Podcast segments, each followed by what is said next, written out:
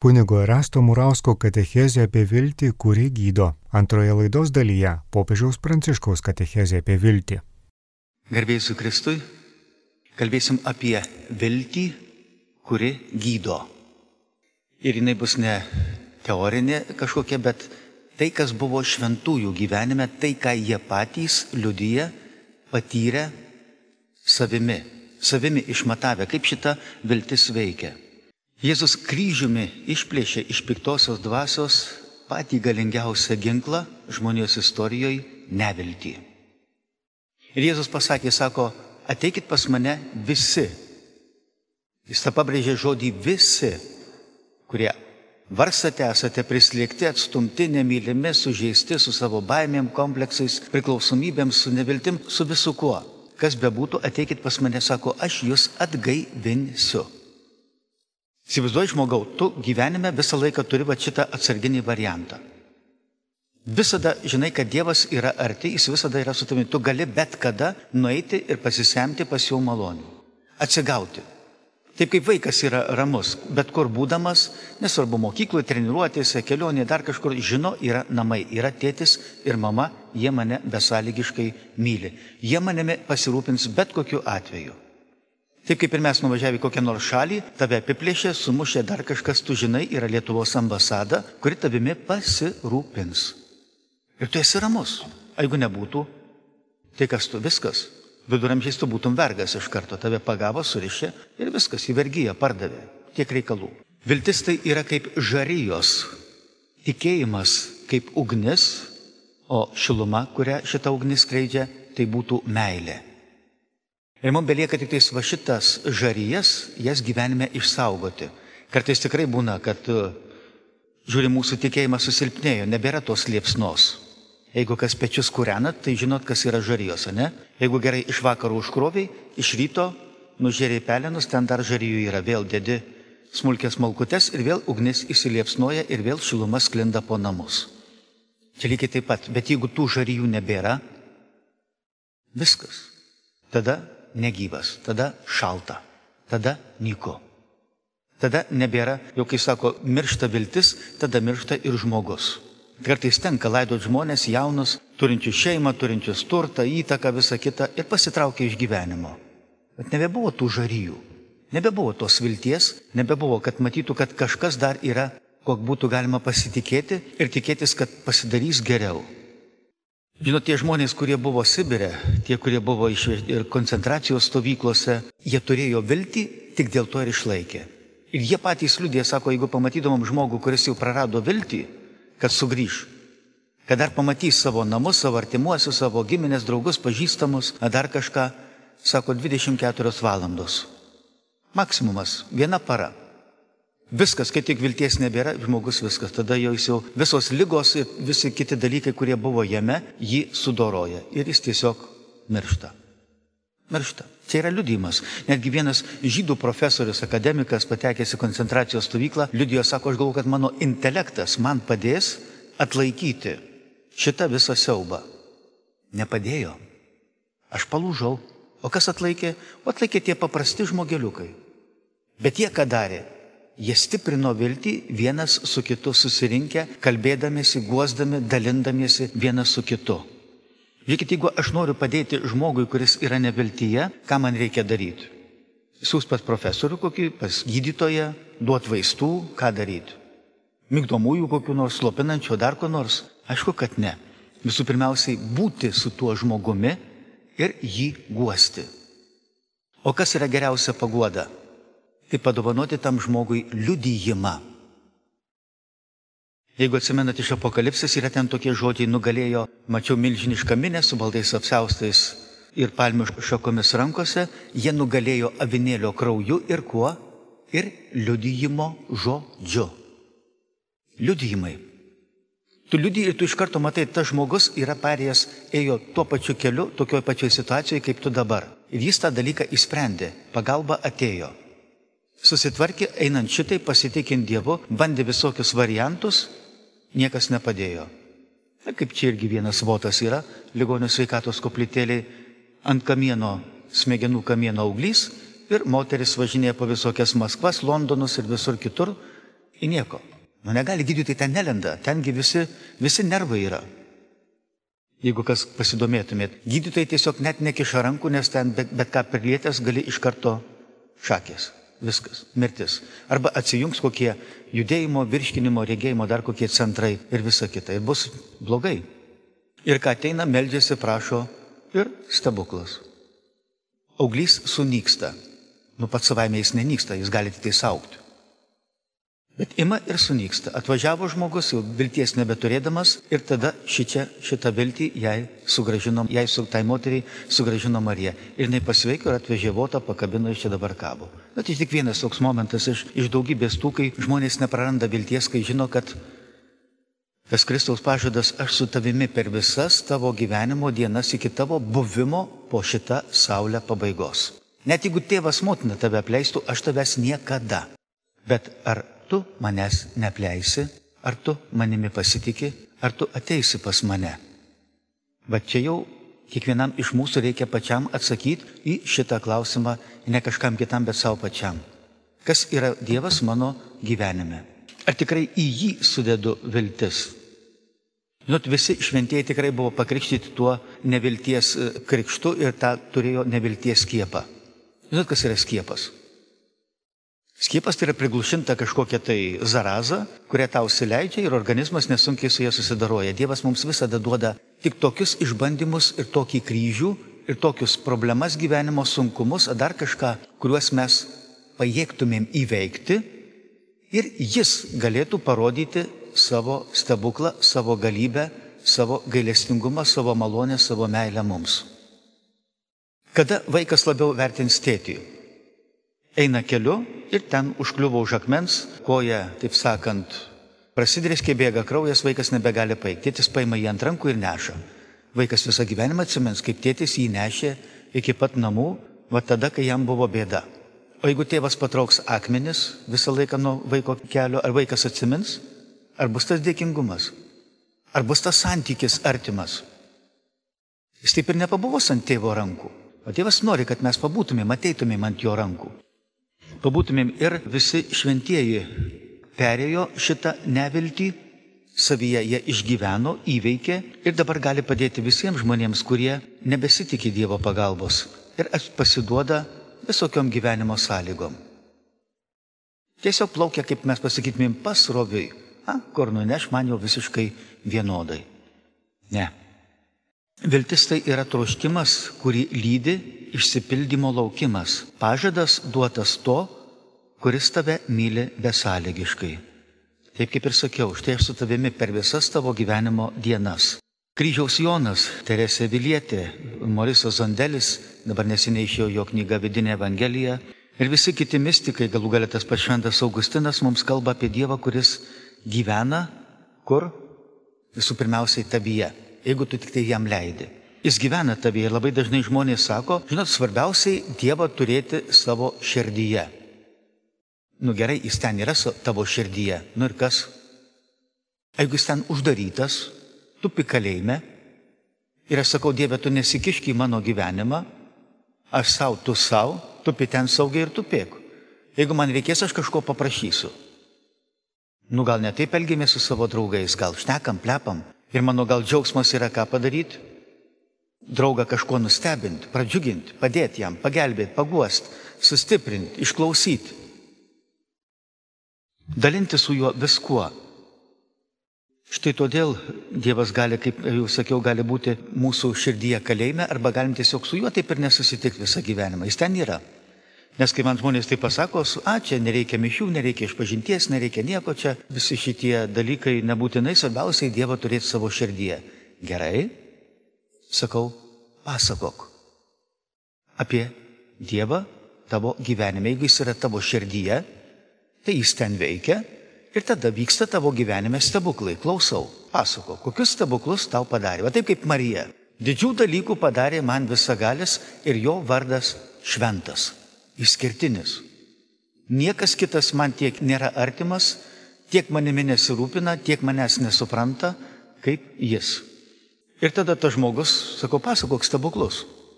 Sakau, nes jeigu tu bendrauji su Dievu, tai sakau, stebuklai yra tiesiog neišvengiami. Jie tiesiog yra neišvengiami. Ir tada tas žmogus nebeturi ką pasakyti, sakau, tada vadinasi, Dievo tavo širdie nėra, arba jis ten sėdi kalėjime užrakintas. Gal sakau, išleis bent retkarčiais pasivaikščioti. Nu, žinot, kai kalėjime būna ten, būna valandos išleidžia, kokį 10-15 minučių apie ten kažkokį ratą su grandinim. Tai bent sakau, jau, bent jau tiek jam leisk. Bent jau pasitark, pasišnekėk. Pasvajok, paplanuok su juo.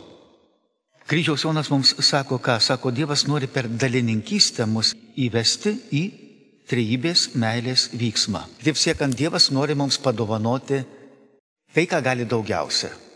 Ką tėvai gali daugiausia padovanoti savo vaikams, kaip jums atrodo? Save pačius. Dievas lygiai taip pat mums nori padovanoti ne kažkokias tai malonės, ne valdžią, ne turtus, ne garbę, ne šlovę, ne dar kažką. Save. A mes atstumėm pačią didžiausią dovaną, patį didžiausią deimantą, briliantą išmetam ir prisirinkam visokio šlamšto. Ir kas iš to? Ir paskui sako, mes nelaimingi. Kas dėl to kaltas Dievas? Nu, dar paskui artimieji ten, draugai, pažįstami, ir visi kaimynai tenai, giminės, artimieji ir taip toliau. Taip, mes jau esame, aišku, specialistai. O Dievas taip norėtų mus įvesti į save ir parodyti mums visas malonės, visą tą galybę, kurią mums jis nori padovanoti. Bet turime būti pasiruošę. Kaip ir sako psalmės, padaryk mane Dievę didžią dvasį. 21 amžiaus problema - žmogus nebemyli ko savęs. Drožia. Varo, alina, naikina, į savo sielą kiša visą tai, kas jam kenkia. Puikybė, pavydą, neapykantą, kerštą, pagėžą, galų gale nemiga, penkis darbus ir visos kitoks dalykus. Tai kas čia nežinau, čia net vergyjoje gal tai baisiai nebuvo. Vergus ir tai sekmadienį išleisdavo, ką daryti, ponai, palsėti. Eidavo visi, važiuodavo į bažnyčią, visiems būdavo šventė. Dabar ne, pats save padarau žemiau vergo. Morisas Zundelis irgi sako, Dievas nori tave išgydyti nuo savojo aš, mano, man. Kosmose tai būtų galima palyginti su juodaja skylė, kuri viską į save, ką daro, siurbė, netgi šviesą. Yra didžiulė, milžiniška užgesusi žvaigždė, kuri viską sugeria. Absoliučiai. O Dievas taip norėtų, kad tu iš tiesų atrastum, kad laimingas gali būti tik iš tada, kai pamiršti save ir dovanoji save kitiems žmonėms. Va tai, ką daro pro langų šviečianti saulė. Jis save dalina. Tiesiog atiduoda save. Ir pasirodo, tai yra mano laimė. Kodėl? Todėl, kad tada išsiskleidžia visi mano talentai, gabumai, visose situacijose aš pamatau kitų akimis save kaip nuostabų kaip fantastiška, kaip kažką tokio ypatingo. Priešingų atveju, tada jeigu aš, aš mano man, tai aš esu tik tais parazitas, kurios tenksis visi ką daryti, apeit, vengti. Ir pasiliksiu vienas. Ir būsiu pats nelaimingiausias.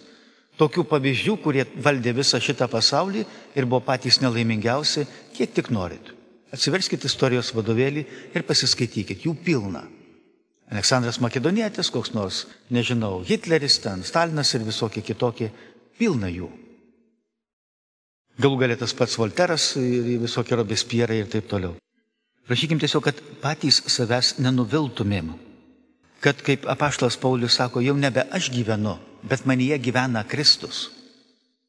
Ir va tada su šituo gidu man eiti per šitą gyvenimą yra lengva. Kaip mes sakytumėm, šventoji dvasia tiesiog mane veda. Prie tų šaltinių, kuriuose aš galiu atsigerti. Prie tų vešlių ganyklų, kuriuose aš galiu pasimaitinti. Kitų žmonių pagaliau netgi meilę, dėmesio, džiaugsmų, ramybę ir taip toliau. Netgi psichologai sako, žiūrėkit, svarbiausia pacientui, ką yra daryti, jeigu yra, turi kažkokius psichinius sutrikimus, nu, kažkokie tai pagaliau tai būtų galbūt neviltis, nepilnavertiškumas, ar dar kažkokie dalykai, sako, svarbiausiai pakelti pirmiausiai jo savivertę, kad jis pats savo galėtų padėti. Tu negali tik iš išorės padėti, pats žmogus turi savo įjungti visas gyvybinės galės. O pasirodo, kad mano vertė priklauso nuo to, ką galiu duoti kitam žmogui. Nes kitas yra mano veidrodis. Ir puikiai žinot, kad kai Dievas sukūrė žmogų, pasakė vienam būti negera. Jis pasakė žmogaus esmę. Man būtinai reikia kito žmogaus, kad aš suvokčiau, kas aš esu. Gerai, jeigu tai yra geras veidrodis, jeigu tai yra tikintis, doras, sąžiningas, mylintis, suprantantis, atjaučiantis žmogus, bet žinot, kartais gyvenime būna tokių žmonių, kurie mums atima netgi ir viltį. Vilties priešas tai baime, puikybė ir kai tave kiti žmonės nuvertina. Ne, iš tavęs nebus, tu žiūrėk, tu mažas, tu nesugebi, tu neišvaizdus, tu nieko nepasieksi ir taip toliau, ir taip toliau ir panašiai. Nieko panašaus. Dievas broko nekuria. Tokį, kokie tave sukūrė, toks tu ir nustebinsi pasaulį. Nu, pavyzdžiui, kardinolas Latkevičius buvo mažo ūgio. Paprastas žmogeliukas, nieko neišvaizdus, kai nuvažiavo į Romą, ten buvo kažkokia tai kardinolų suvažiavimas ar dar kažkokia, nežinau, tai jį netgi tenai su portfeliuku, tokiu apskurusiu lietpaltuku, netgi uždarė policija vietinė, žodžiu, ten tie karabinieriai, žodžiu, uždarė jį kaip kažkokį neaišku į Sovietų sąjungos atvažiavusi, įtartina. Tai ten paskui krūva vyskupų ieškojo jį po visą Davinčių aro uostą, kol pagaliau surado, atėjo nusilenkė ir, aišku, ten tiem visiems personalui buvo šokas. Ir visi buvo apšalę, sako, įsivaizduoju, sako, kardinolas. Visi sako, mane prisipažino. Nu, kas čia tokio, tai, nu, kardinolas, nu, tiek, žmogus kaip ir visi. Nu, toks paprastumas, menkas paprastas žmogelis, bet kiek iš tiesų žmonių jis sustiprino, jis įkvėpė. Galų galėtų pati motina Teresė, pažiūrėkit jos nuotrauką, ką ten. Kokia gražuolė, fotomodelis, aktorė kokia, ar dar kažkas. Visai neišvaizdi Albanė moteriškė. Netgi pagal išvaizdą galėtų kokias raganas vaidinti. A bet nuo jo žvilgsnio atsiversdavo patys didžiausi latrai nusidėjėliai ir visokie kitokie žmonės. Užtekdavo tiesiog su ją pabūti. Jeigu tu nusišypsosi žmogui, tu jau jame atgaivinsi viltį, kad jis dar yra gyvas, kad dar kažkam reikalingas. Kaip tas žmogus, kuris Atvažiuoja policija, greitoji, pasižiūri, nušokęs nuo Eifelio bokšto žmogus, rankoje raštelis. Jeigu man einant iki Eifelio bokšto nors vienas žmogus man nusišypsos, aš nenusižudysiu. Ar jis susitiko nors vieną tikintį žmogų, nors vieną vilties žmogų, nors vieną krikščionį, nors vieną kataliką, ar susitiko žmogų, kuris turėjo savo širdyje Dievą? Aišku, kad ne. A mes o tokie esam pasiuntiniai, tokių liudijimų aš čia galėčiau dar daug pasakot, kur patys žmonės pasakojo, kaip prakliurkino. Ir tiesiog prakliurkino ir to žmogaus neišklausė, o paskui už kelių dienų sužinojo, tas žmogus pasitraukė iš gyvenimo. Reikia tik jį tiesiog padaryti ką? Išklausyti, pabūti su juo. Pagaliau netgi paliudyti savo, savo gyvenimą. Šventieji ypatingai brangino viltį kaip Dievo dovana, matyti, kad viskas bus gerai, net jeigu praeitis baisi, bloga, skausminga, o dabartis visiškai neaiški. Viltis tai žinojimas, kad Dievas darė, daro ir darys tai, kas tau geriausia.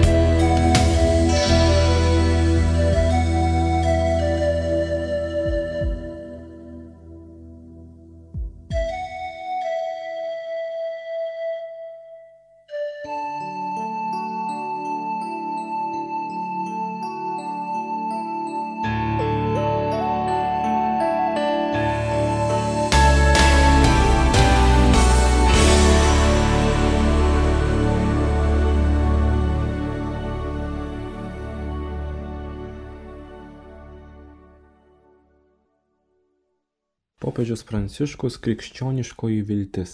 Netikros stabų viltys. Gruodis ir sausio pradžia, advento, po to kalėdų metas. Tai liturginis laikotarpis. Dievo tautoje iš naujo žadinantis viltį, kuri yra pamatinis žmogaus poreikis. Puostelėti viltį dėl ateities, tikėti gyvenimu, vadovautis vadinamuoju pozityviu mąstymu. Todėl svarbu, kad ta viltis būtų susijusi su dalykais, kurie gali iš tikrųjų padėti gyventi ir suteikti mūsų egzistencijai prasme.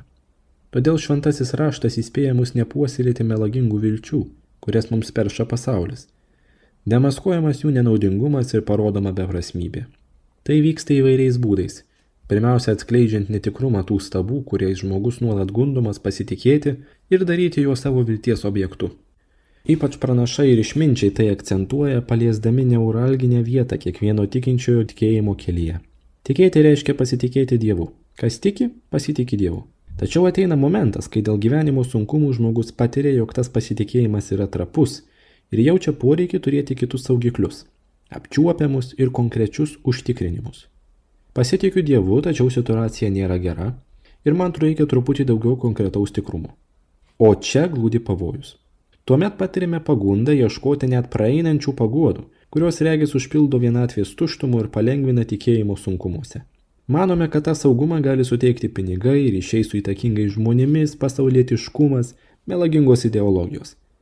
Kartais ieškome jo tokiame dievaitėje, kuris galėtų įvykdyti mūsų prašymus ir magiškų būdų pakeisti tikrovę, kad ji taptų tokia, kokios norime. Tai stabas, kuris kaip toks nieko negali padaryti, kadangi yra bejėgis ir apgaulingas. Tačiau mums labai patinka stabai. Mes juos labai mėgstame. Kažkada Buenos Airėse turėjau nueiti nuo vienos bažnyčios iki kitos, tarp kurių buvo gal tūkstantis metrų. Ėjau ten pėščias. Kelias ėjo per parką, o parke stovėjo staliukai. Jų buvo labai daug, prie jų sėdėjo iškeregiai. Buvo daugybė žmonių, jie net stovėjo eilėse. Aiškeregiui galėjai parodyti ranką, o jis pradėdavo kalbėti. Kalba visuomet būdavo tokia pat. Tavo gyvenime yra moteris, ant tavęs užslenka šešėlis, tačiau viskas bus gerai. Po to už viską susimokama. Ir tai teikia tau saugumo? Toks saugumas grindžiamas, atleiskite už žodį, kvailumu. Eiti pas aiškeregę ar aiškeregę, būrenčius iš kortų? Tai stabas. Tai stabas, jei esame prie to labai prisirišę, perkame melagingas viltis. Tačiau Jėzaus Kristaus dovanai duota viltimi, kurią jis atnešė dovanodamas už mūsų savo gyvybę, tą viltimi kartais nelabai pasitikime. Viena kupina išminties psalmė labai įteigiai perteikia mums melagingumą tų stabų, kuriuos pasaulis mums pakiša kaip vilties objektą, o žmonės visose epochose jautė pagundą jais pasitikėti.